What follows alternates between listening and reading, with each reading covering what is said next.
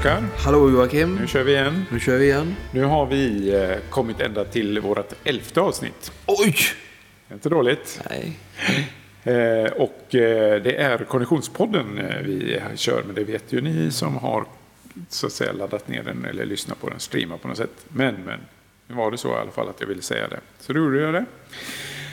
Och jag ska fortsätta med att säga att det är jag, Joakim Jardeby och Oskar Olsson som sitter här och ska prata om kost och kondition idag. Ja. Wow. Det blir skoj. Men först några ord om våra sponsorer. Eh, Har vi fått några nya än? Nej, inte, inte. Nej, ingen. Vi önskade sist, men inga Ja. nya. Nej. Ingen som slog på stora trumman och sa att ja, vi går in med en miljon här. Ja, vi, vi, vi får väl eh, annonsera igen då. Snälla, snälla. Nej, nej, nej. Vi går inte med mössan i handen. Nej, vi klarar oss själva. Inte. Vi klarar oss alldeles utmärkt. Eh, Men eh, skulle ni vilja så är det klart att ni är välkomna. Men vi ska dra dem vi har. Och det är O23 Konditionscenter.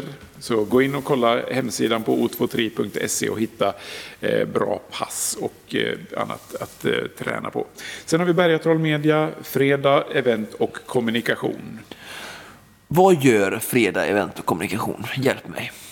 Jag vet ju det, en men... eh, eventbyrå som eh, dessutom jobbar en hel del med reklam och eh, gör film Ja. och reklamuppdrag av olika slag. De, och, Hjälper företag att synas och höras. ja, det kan man säga. Ja. Bergatroll Media. Ja. Någon, någon gång kan vi ha med Niklas Axhede som är vd där och så kan han berätta lite mer vad Ja, vår stolta Han- sponsor. Vi tränar ju med honom ibland. Som vi är tacksamma för. Mm. Bergatroll Media då? Bergatroll Media gör gör eh, uppdrag också inom ja, reklamfilm, informationsfilm, Manus. annat. manus. Ja, mycket manus. Ja. Bra. Vi är tacksamma för dem också. Yes. Mm. Då har vi äntligen kommit ifrån, eh, i, eller ifrån, igenom eh, allt sådant som är eh, formalia. Och Ja. så kastar vi oss raskt in på vårt rafflande spännande ämne som heter kost och kondition. Ja. Och det vi ska göra idag är egentligen en ganska övergripande, eh, ska jag säga, ytlig genomgång eh, av eh, kost och, och kondition för att det är ett oerhört stort ämne. Och det är Väldigt väldigt, många, många olika områden och därför så kommer vi komma tillbaka till det många gånger där vi går ner på en, ja, specifika delar och kanske gör ett helt program av saker som vi bara nu eh, ja, swishar över kan man väl säga. Men ändå lite grann eh, väldigt intressant ämne som, som ju många har intresse av och vi själva också. Eh, så vad har vi då? Vad ska man tänka på när man tänker kost och kondition? Har du några grundläggande ord där som du vill kasta med oss, Oskar? Ja, det har jag väl. Eh, man kan säga så här, kondition eh, har ju med att röra kroppen framåt. Och vi får ju, vi, jag tycker att vi behöver börja i dagens samhälle att börja se vår hjärta och kropp som en motor. Och jag tror att jag har sagt det här förut att ingen häller ju Coca-Cola i bilen. Och eh, en bil kostar ju alltid från mellan kanske 5 000 till 500 000. Så den dyraste familjepremiumbilen till den lägsta instegsbilen som jag hade, en Volvo 360 för 4 000 eh, eh, när jag tog mitt körkort. Och så allt däremellan. Eh, och sen som vi värderar ett människoliv. Nu är det lite extremt, det förstår jag. Men jag vill ändå väcka Men ska, tanken. man, vä- ska man värdera sitt eget liv så kan man ju inte värdera det eh, nog högt. Om man säger. Exakt. Alltså det Precis. spelar ingen roll hur, Nej. hur dyrt någonting är. Så, Nej. eh, Och, och, och det kan vi tanka med ganska mycket skit. Mm. Och sen ställer det ganska höga krav på motorn att den ska orka och göra arbete, vardagssysslor, konditionsträning och allt möjligt. Men jag skulle vilja se den Svensson som köper sin nya V70 och häller Coca-Cola i tanken för att de inte har råd med eh, bensin för den är för dyr. Coca-Cola är ju ruggigt billigt. Eh, så va. Eh, så med den extrema jämförelsen, men ändå för att väcka en, en tanke, för att det har ändå gått ganska långt tycker jag, med vad vi väljer att fylla kroppen. Och så att vi pratar inte om kalorier hit och dit idag utan vi pratar mer om kvaliteten och om vi ska koppla då eh, eh, kondition och eh, kost ihop så, så blir ju det att föda motorn som ändå är vital vid konditionsträning i oavsett idrott ehm, med, med, med en näringsrik mat och näringstäthet. Och jag brukar säga det att alltså oavsett om vi, om vi utgår ifrån att människor ligger i energibalans så att eh, ja, men jag äter 21 000 kalorier i veckan. Ja, då är det ditt konto, det är det du äter. Du äter varken mer eller mindre. Um, för att du håller dig mätt då. Det är 3000 om dagen, du tränar lite, du äter och du får i dig det i snitt per vecka. Då vill du ju ha så hög procentsats av oktanhalten. Nu kunde jag inte låta bli att koppla till det. För att det är ju så att om man kör Ferrari så tankar man ju 98 oktan för er som inte vet det. För att bilen ska gå riktigt bra. Det är också dyrare, så det är lite superfin eh, bensin då va. Men kvalitet kostar ju va. Och så är det ju med mat också. Um, och man vill ha så hög kvalitet på energin in i motorn som möjligt för att få så bra output som möjligt. Och um, därför är det så att om vi har våran, eh, våra mm, 21 000 kalorier så, så, så åter det till den här procenthalten att eh, ha så hög, eh, ha så hög eh, vet det, energi, eh, eh, procenthalt av bra näringstät mat. Och om du äter, alltså om man har tre dagar i veckan som man äter skit eller man har en till två måltider varje dag som, som är ganska tomma på kalorier som till exempel smörgåsar eller eh, yoghurt, lightprodukter, müsli eh, som är köpt och inte egengjord där man använder billiga råvaror för att eh, det ja, det är billigt helt enkelt, men näringstätheten är inte så bra. Och har man flera måltider eh, med dålig näringstäthet i sig Ehm, så blir ju kanske, du får i kanske 30% skit per vecka och 70% bra. Och, och då, då får du ju en motor därefter. Ehm, och det tror jag är väldigt viktigt och det är grundläggande när det kommer till kost och eh, konditionsträning. Att eh, så näringsrik och så nyttig mat du bara kan. Nu ska inte vi gå in och prata om exakt vad som är nyttigt idag och jag tror att många människor någonstans har frågat sig själva vet vad som är nyttig mat. Um... Problemet är väl lite grann så att det nästan har blivit uh, lite, lite um, så att säga, radikalt eller onormalt att äta nyttigt. För att det är så, ah. mycket, det är så lätt att äta skit. dåligt. Och vet ni varför det är så? Nej, för att det är billigt med skit. Och ju mer skit man serverar, ju mer pengar tjänar man. Så är det. Så enkelt är det. Och sen är det, det är den ena saken, och det har du väl rätt i. Det, det har ju med liksom, eh, tillgången på skit har ökat och det, det som, den har blivit normaliserad. Skiten har blivit normaliserad. Och sen det största problemet är att tidsprioriteringen. Alltså vi prioriterar åt fanders fel i, i, livet i många fall. Alltså att vi, vi har blivit helt programmerat. En timme i veckan är normalt att lägga i köket. Förut la man 8-9 timmar kanske i veckan minst i köket. Eh, på matlagning 3, 4, 5 dagar i veckan. Eh, jag skulle se de som lägger 30 minuter på morgonen och en timma minst varje eftermiddag, sju dagar i veckan. Det tror jag är ganska vanligt, ovanligt idag.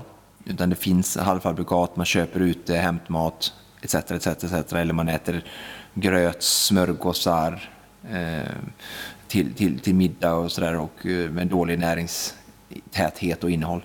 Så att, och vi gör andra saker, vi fyller tiden med annat. Och jag skiter i vad, det är, vad folk gör, om det är liksom såpoperor eller om det är datan eller om det är medier, vad det än är. Vi, vi, fyller tiden och där har det gått fel. Alltså vi har prioriterat in andra saker i livet framför att ge oss tid till att skapa förutsättningar för att ge motorn rätt bränsle. Så prioriteringar är en jätteviktig grej och sen förstår jag att det är svårt. Jag kan, ge ödmjuk, jag kan vara ödmjuk och, och ge förståelse till alla er där ute. För som du säger, tillgången är eh, helt skruvad och den är vinstbaserad och det är en bransch som, som, är stor och som har fått mycket, alltså vuxit och blivit stor. Det finns många aktörer och då också såklart stor tillgång av skiten. Och mm. mycket skit, höga marginaler. Så. För prisbilden är ju fortfarande densamma. Eh, Mm. Nu har vi gett en ganska dyster bild av verkligheten här. Ja, jag var tvungen. Och- ja, jag är så ja, ja, vi- känsloengagerad i det här ämnet Ja. eh, och varje dag. Så att, eh, ja. Ja, men det är bra. Man får ruska om lite grann. Ja, Och, eh, ja, då måste man vara allvarlig. Men nu kan vi skratta lite och vi, jag tycker vi, vi ja, men började bra. Också att man har eh, eh, då kanske ett... Eh, man har fått en liten eh, idé om att, eh, att okej, är det här är inte så bra, nu ska vi försöka göra det bättre. Ja. Och då är frågan, vad, hur gör man det bättre? Ja. Eh, vad, vad, för det är väl det vi ska försöka Ja, precis. till. Och då, svaret på de här frågorna då är ju att, att eh, använda tillgångens, eh, eller vad ska man säga, tillgången av de bra ställena har vi sagt är mindre och tillgången är, på de dåliga är hög. Men vända sig till där man vet att det är bra grejer. Till exempel alltså att besöka ICA Maxi oftare än McDonalds. Ja, eller vad som helst. Thaien, hamburgerrestaurangen, alltså lunchrestaurangen, alltså all, eh, alla typer av färdig mat. Besök ICA Maxi i första hand. Titta, känn och kläm. Bestäm själv, var herren över det som hamnar i maten. Um, det är ju svaret på frågorna. Och sen att laga din egen mat i så stor utsträckning som möjligt. Just det. Och sen eh, laga mat. Eh, eller ät oftare kanske. Mycket bra. Kontinuerligt och jämnt flöde. För det blir ju lite grann det där att blir man tvärhungrig så vräker man i sig. Men jag gör dåliga livsmedelsval och det gör jag med när jag är hungrig. Jag hade med mig mat, matlåda här som du såg direkt färdig i kylen innan, efter träningen och innan podden skulle börja. Så det handlar om plan, noggrann planering, precis som övrigt i livet. Eh, men så helt rätt och bra input där med att eh, ät mellanmål för att ha, för att inte bli hungrig. Så mellanmål är jätteviktigt. Planera dina mellanmål, se till att du har dem. Du fick ju lite cashewnötter av mig råa här innan vi började och ehm, då stabiliserar du hungern och gör mindre dåliga val. Eh, så att det är ett jämnt flöde tycker, tror jag också på. Eh, det finns ju mycket med faster och sånt där nu och eh, jag tror inte riktigt på det. Både i en social kontext att mat för samma människor, det är roligt, det ska vara roligt och vi ska, ska göra oss glada och må bra och energirika och sådär. Och hung- svälten är liksom, det känns som att de ofta är för att det är någon illusion om att jaga vikt fort och, och sådär. Och man går bara runt och, och det blir som, jag tror att det tar upp för mycket av människors liv. Jag tror inte människor som lever 5-2 eller 16-8 eh, tycker att livet är särskilt härligt och jag tror inte de gör det i, i tio år i sträck. Eh, jag tror på att ha en kosthållning som är långsiktig och som man trivs med och som, som gör att du kan sitta ner och äta med dina barn under de normala eller socialt liksom, eh, vedertagna tiderna. Frukost 7-9, lunch 11-1, middag 17-20 Och, göra det då. Um, det tror jag på. Ja, jag, kan- jag kan ju bara säga av egen erfarenhet. Jag testade faktiskt det här eh, 5-2 Ja, är det sant? inte så inte. länge sedan utan bara kanske någon månad sedan eller två, två månader sedan. Och det var ju asdåligt för mig i alla fall. Alltså jag, jag kunde inte göra något annat än tänka på mat. Och Det är möjligt att man kommer in i det men, men för mig var det helt förkastligt. De, det var bara två, två bortkastade eh, dagar i veckan. Eh, Men det är ju lite olika hur man är. Hur får man i sig tillräckligt mycket näringsämnen då? Hur ska man tänka där? Vilka råvaror, vad, eh, vad jobbar vi med? Ja, så, så rena som möjligt. Ja, men vilka? Vilka råvaror? Ja, typ. Ska det vara mycket grönsaker, mycket frukt, mycket kött, mycket fisk, mycket... Du har ju precis sagt det redan nu. du har sagt allting. Bra variation av allt tycker jag. Mix it up. Ja, Ja. mycket färg. ja. Färg och glädje. Eh, och energi. Eh, vilken mix av kolhydrater, proteiner och fett då? Det där tycker jag är lite... Alltså jag gillar typ 30, 40, 40 kanske. 30 Fett. fett 40 Protein, 40 kolhydrater. Det blir, Nej, för, så här, förlåt. det blir, det blir 110 procent. Ja, förlåt. 30, 30, 40 menar jag såklart. Jag siktade rätt mycket på, på fettet där. Eller, Det, T- eh, det blir så här laguppställning istället. 4-4-3. 4, 4, 2. 30 procent protein, 30 procent fett, 40 procent kolhydrater. Det tycker jag är bra. Och sen inom det så kan man, tycker jag, om man pratar om periodisering av, av kolhydrater, att när man har en vilodag så kan man tänka mindre kolhydrater för du behöver inte ha oktanbränsle. Jaha. Och eh, när du har tränat, eh, ja men alltså, du har ju mindre behov av kolhydrater om du inte tränar hårt. Just det. Det har jag aldrig tänkt på, men det är ju jättebra. Så att man, Ja men det är ju så här, ja men jag ska ut och jogga 30 minuter. Ja men då måste jag ha mitt högoktaniga eh, gel här, mitt högoktaniga bränsle. Jag tar fram min gel och bara tjoff tjoff. Bara, nej, du behövde nog inte den här sockerbiten på 30 minuter spinning. Eh, och samma sak där. Ett, idag, igår tränade jag, idag vilar jag. Då kanske jag inte behöver äta ett pastaberg eller sju potatisar eller ris. Eller sushi eller vad det än kan vara. Så ehm, jag tycker om att prata om att periodisera sina kolhydrater. Ja, men det, det är ju ett helt nytt begrepp för mig som jag tyckte var... eh, Ja, var vi startar en diet! Ja. High five! Yes! Per- Kolhydrats... Periodiseringen. periodisering. Har du hört talas om den? Den har ju funnits i två veckor.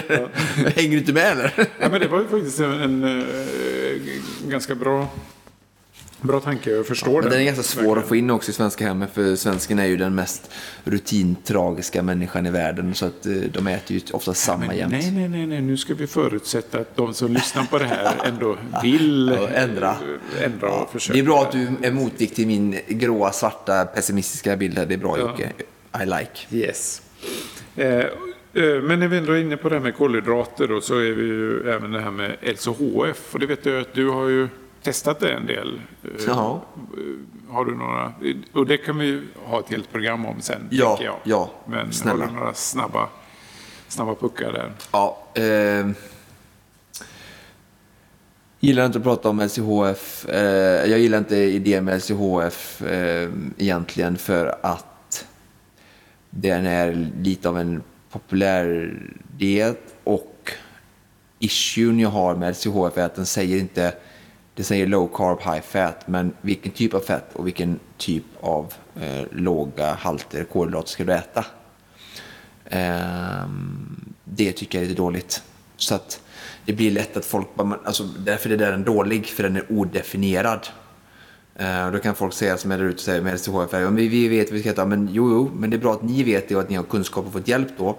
Men när man sprider en diet, och i alla fall där den sprids utan att man säger exakt vilken typ av fetter rekommenderar eh, akademikern och den, den kunniga personen och vilka typer av kolhydrater rekommenderar man, så tycker jag det är farligt. Alltså, det är som jag ska säga så här, ja men eh, du behöver cykla, eller du ska eh, ut och cykla, ja men du behöver en cykel. Men så glömde jag säga att eh, bromsar och hjälm och cykelskor och plingklocka eller lampa på mörkret och är, är bra att ha med liksom. Det är viktigt att, att försöka få med hela bilden. Ehm, så därför är LCHF dåligt. Sen finns det såklart saker i LCHF som är bra. Så, nu har jag sagt det. Men jag gillar inte att prata om diet, utan jag, pratar, jag gillar att prata om kosthållning och sunt leverne och, och mer åt det här, alltså att ä- äta och laga mat och välja att prioritera att allt inte behöver gå så nedrans fort jämt. Lite mer slow food movement. Ja, exakt, exakt, exakt. Så, så. Bra. Det om det. Ja, bra. Ehm, och då kan vi ändå gå in lite grann också på den här kalorimodellen om vi nu ändå är inne på olika sådana här grejer. Har du någon tanke där? Ja, alltså... Du menar man spjäkar sig med låga kalorier? Nej, jag tänker i största allmänhet det där med att räkna kalorier bara rakt av. Ja, det är jättebra. För det är precis det jag gör på Otfotri. Um, ehm, och det är den enda vägen i princip till en bra, sund viktnedgång skulle jag säga. Um, jag gör mycket kostprogram och har, har 99 av 100 nöjda kunder och eh, väldigt uh, lyckosamma alltså, projekt, eller vad ska man kalla det. Uh, Eh, där kunder kommer till mig och eh, har önskemål om att gå ner en viss antal kilo. Och jag sätter mig på kammaren. Tyvärr väldigt tidskrävande, men man räknar helt enkelt plus minus eh, kalkylering och ehm, eh, då, då går man i vikt, ner, ner i vikt. Så enkelt är det. Eh, om man följer detta. Så det är väldigt bra ur, ur den, det perspektivet. Men sen när man har stabiliserat sig man, vi, vi pratar till en lyssnare som har en helt okej, okay, är nöjd och är, är i viktbalans då ska man ju inte hålla på och räkna kalorier. Utan räkna kalorier är ju en sån här nödverktyg för människor som har levt för göttigt för länge och bär på för mycket extra.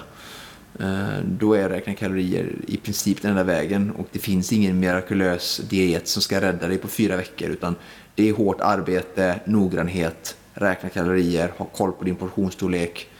Men när du jobbar så, då jobbar du antar jag, inte bara med kalorier utan då jobbar du även med eh, en, samman, vettig sammansättning? Ja, ja, det är recept eh, av vegetariska recept, eh, fiskrecept, köttrecept, allting. Alltså jag försöker vara så nu tycker jag oftast ibland om mina kunder att det är lite mäckigt att göra olika typer och sådär. Men jag säger att okej, okay, eh, Eh, gör enklare då för det är fortfarande samma typ av kalori, alltså mängd ni äter, så det är ingen fara om ni äter ensidigt. Men jag vill alltid inspirera till en, en allsidig och varierad kost. Så jag kommer alltid att försöka variera recepten utan att det är så att man behöver laga mat varje dag.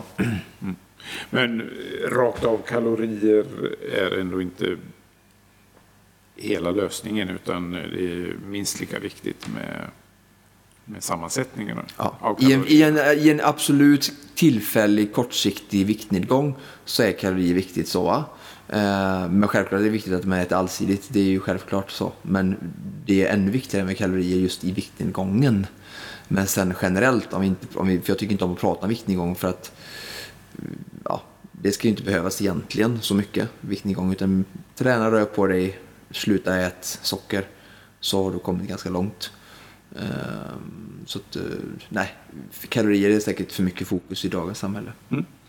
Gott, då har vi gått igenom lite snabbt det här med de här viktbitarna och mm. nu ska vi kanske mera rikta in oss på hur vi jobbar med kost och kondition. Mm. Precis, vi var inne på det i början lite där med att det ja. viktigaste är ju det jämna flödet. Och så.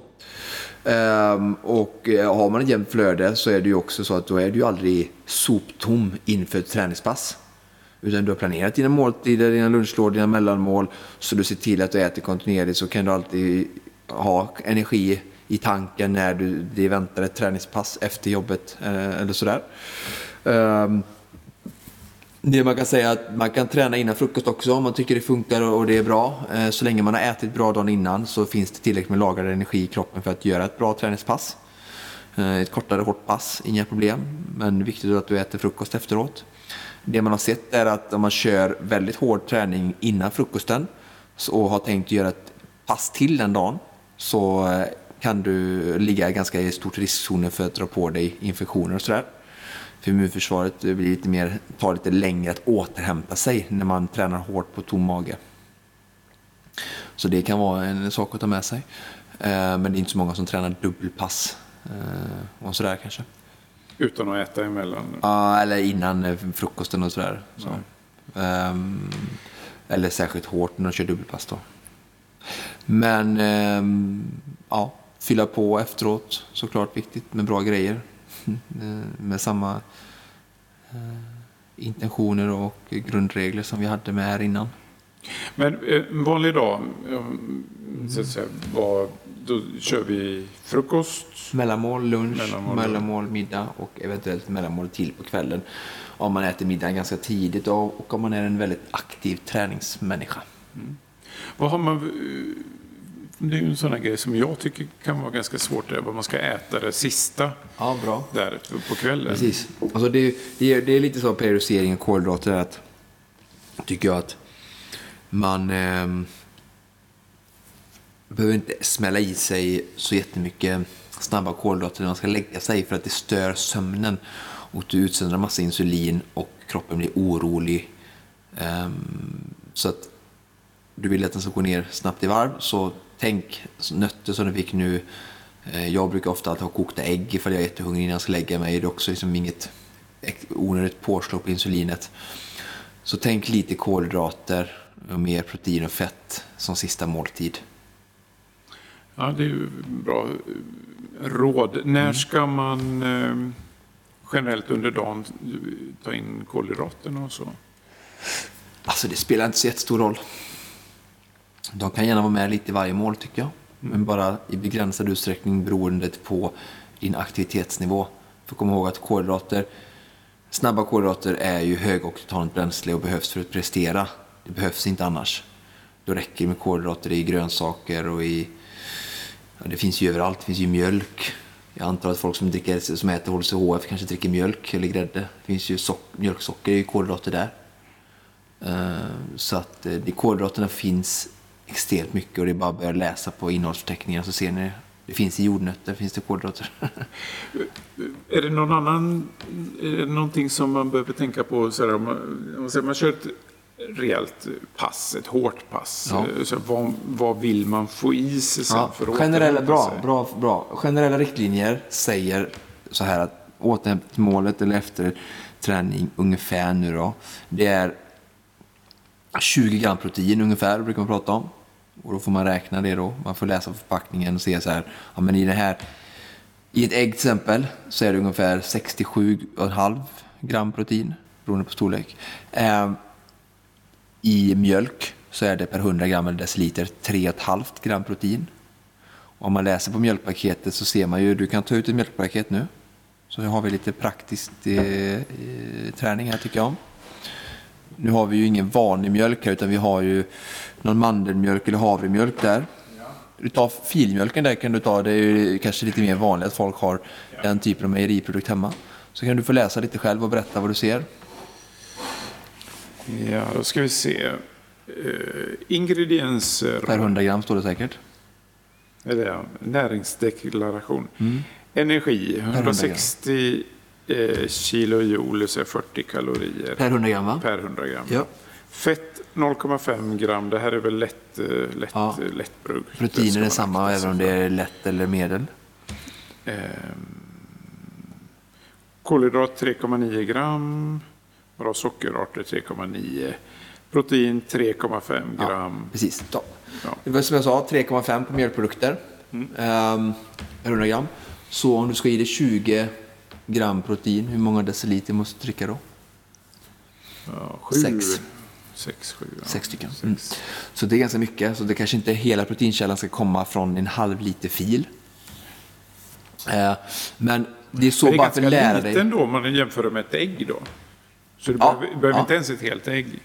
Nej, Du behöver tre ägg Vad sa du, så du inte 67? gram per ägg och är 20 gram per måltid. Återhämtningsmåltid. Efter träning så ungefär 20 gram protein har man sett. Och du hade 67 Gram i ett ägg. 6 till 7. Ja. Jag tyckte du sa 67. Nej, Jag tänkte, 67,5. vad fan, Så behöver man bara ett tredjedelsägg. Så 6 till 7, så du Ja, behöver tre ägg. ägg. Ja. Ja. Ja, nu. Så att man läser på förpackningen så här och så räknar man, gör matten så vet man. Men 20 gram protein och 1,2 gram eh, eh, kolhydrater. Ungefär. Så gånger 1,2 med din kroppsvikt. Väger du 70? Jag? Om man väger det och gånger med 1,2 så får du ju eh, 72 gånger 7 är 140, 14. Du får 84 84 gram kolhydrater alltså, behovet. Så det, och, och vi översätter det till en eh, någorlunda så här normal måltid. Vad skulle det kunna vara? Om du gör en, en typisk sån som men, eh, folk skulle kunna... Fisk och kyckling ligger ju på någonstans ungefär runt 20 gram per 100 gram.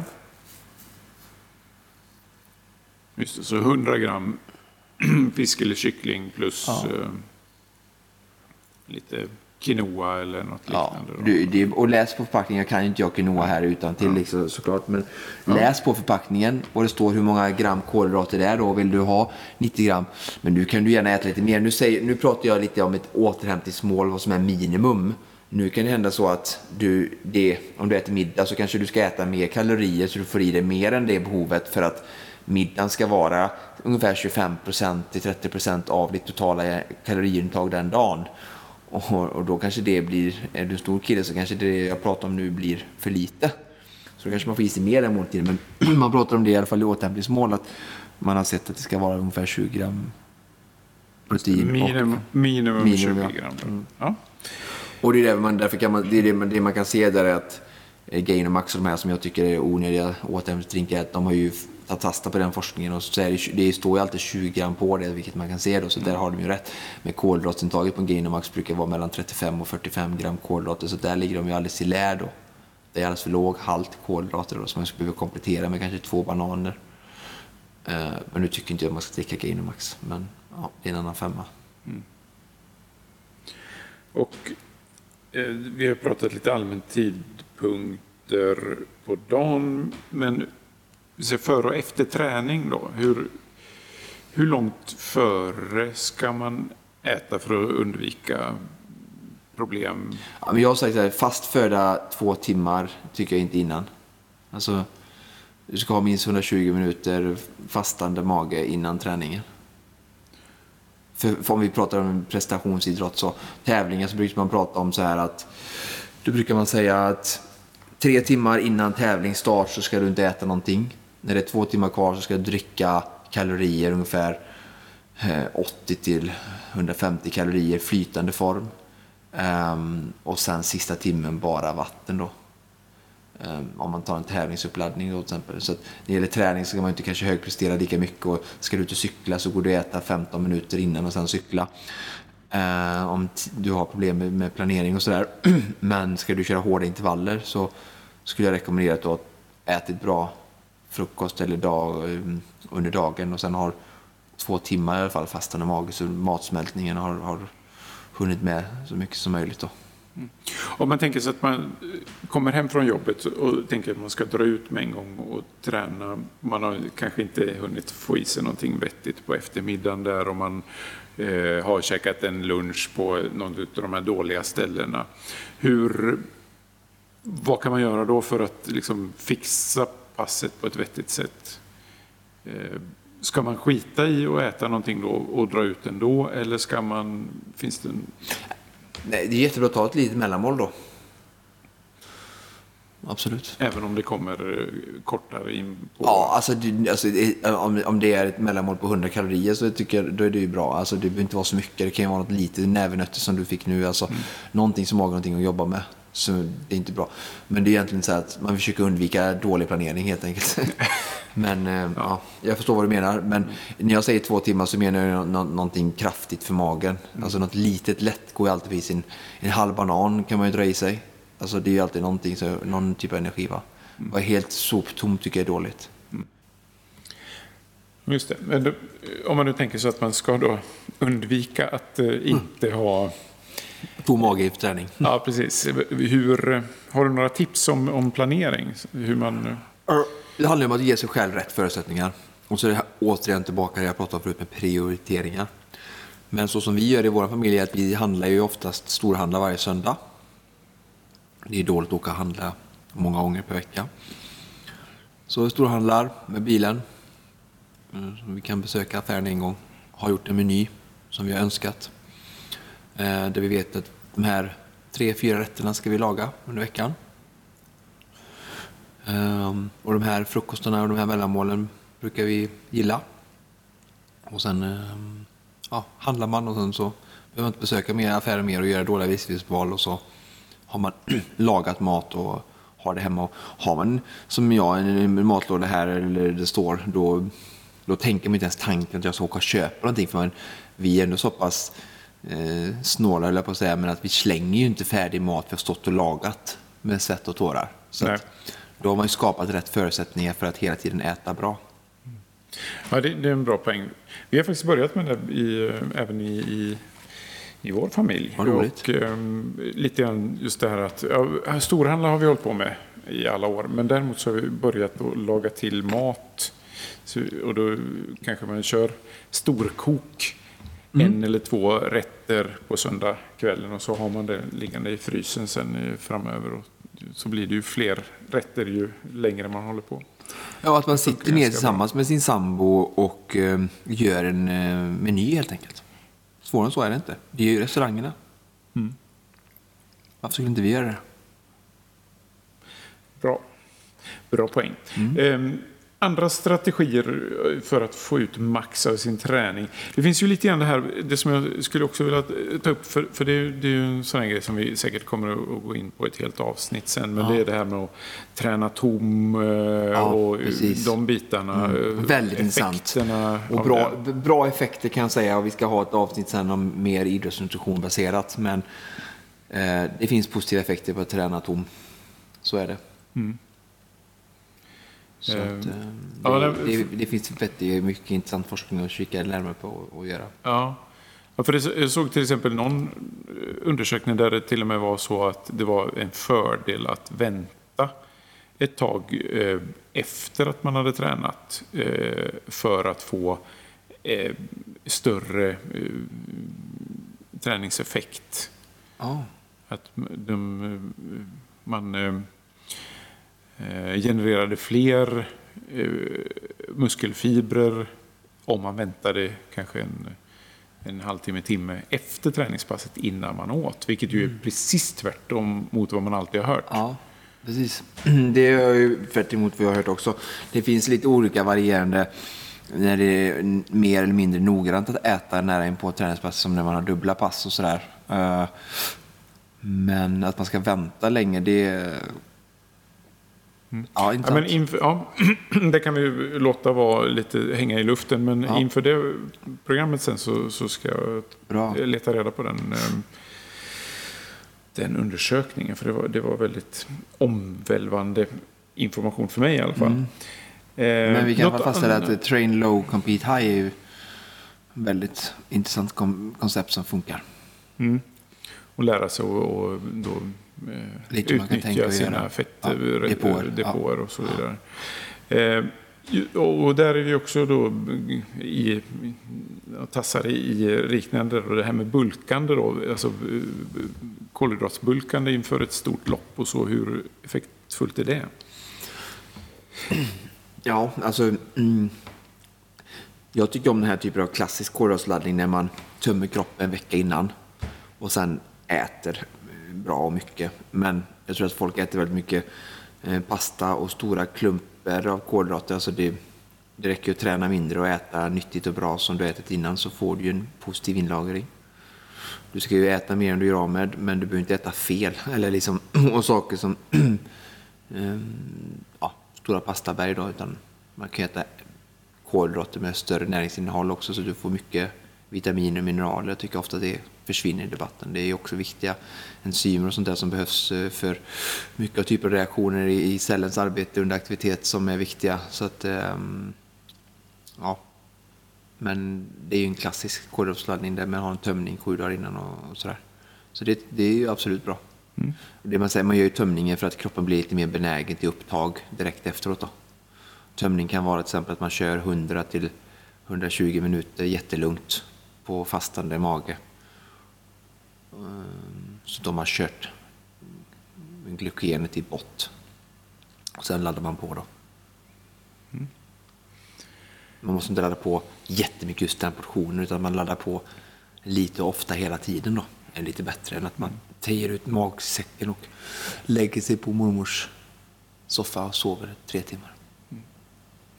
Nu har vi ju, ja, gått igenom det här ganska ytligt, eh, lite olika eh, aspekter av det. Vi kommer som sagt komma tillbaka till det många gånger. Och, eh, men det kan ju ändå ha kommit upp lite frågor och, eller andra tyckande om detta, för det är ju ett brännbart ämne såklart. Så att, kom gärna med, med synpunkter så ska vi försöka eh, besvara så gott vi kan. Eh, så, och det enda jag vill tillägga är att ibland måste man ju få slarva. Exakt. Ibland måste man få äta den där hamburgaren eller den där pizzan Självklart. eller vad det nu är för någonting. Hur tänker man där? Har du några bra tips? 90-10. Eller är det bara att man... 90-10. 90-10. Så 10 slarv och resten bra? Ja. Ja, det var väl en ganska handfast regel. Ja. jättebra. Ja, vi återkommer till detta någon gång mer. Ehm, frågan är, har du några roliga tips på tävlingar och event och sånt som är på gång? Ja, då har vi ju nu till helgen här. Idag är det, när det här sänds är det den 5 maj. En torsdag som vanligt. Så då väntar ju helgen här den 7 maj för Stockholmsgäster så har vi ju mountainbikelopp, Lidingöloppet MTB som jag har sprungit. Som är eh, väldigt, äh, sprungit, cyklat. Som är väldigt trevligt äh, MTB-lopp som finns tror jag både en kort och en lång variant. Sen är ju det populärt om man vill springa i Stockholm så har vi ju klassiska Kungsholmen runt. Eh, det finns halvmara och även ett 10 km lopp tror jag eh, i Stockholm. Eh, sen så har vi ju Göteborgsgirot som vi tipsade om förra veckan här i Göteborg. Det finns både linjecykel och MTB-lopp. Jag tror att det kan vara svårt att anmäla sig nu, men då kan man ju alltid ge sig ut i Göteborg och heja lite. Ehm, sen så har vi Slottsloppet. Ehm, går faktiskt i start och mål i Gräfsnäs slottspark i Alingsås kommun. Eh, där det finns 13,5, 6,2 och 400 meter för barn. Så en väldigt trevlig miljö där jag har lagt många träningstimmar med kuperad bana som går på grus, asfalt och stigar i parkmiljö. Eh, slottsloppet, alltså i Gräfsnäs för den som vill ha något lite lokalt och mysigt. Eh, sa jag vilken dag det gick. Det är alltså lördagen den 7 maj och det går säkert att anmäla sig nu på efteranmälan på plats. Det är ju nu till helgen. Eh, vidare så har vi ju Lidingö Ultra som går den 8 maj söndag i Stockholm. Eh, det finns både 50 km och 26 km. Det går, jag tror man får springa i eh, Abborrebacken två gånger. Jag har själv sprungit där och, och mm. tror jag kom fyra när jag var med. Eh, också ett trevligt lopp, eh, vårlopp för de som springer lite längre. Kanske våran för eh, flitiga listade eh, lyssnare, Andreas Pettersson som kom en bra ultrafråga eh, i förra avsnittet. Just det. Sen har vi ju Vårhuset som vi har sagt kom igång i Malmö förra veckan. Det väntar nästa vecka den 10 maj går Vårhuset här i Göteborg. Om det finns möjlighet att anmäla sig där så är det alltid roligt att få fem kilometer i bena Eh, Vårhuset i Vänersborg går vidare dagen efter i 11 maj om man tillhör Trollhättan-regionen, så Sjuhärad. Så Vårhuset i Vänersborg går den 11 maj. Kan vara roligt. Eh,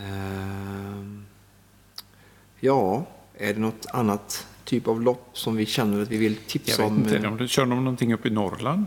Uppe i Norrland, ja. Där har vi broarna runt i Västerbotten mm. den 10 maj.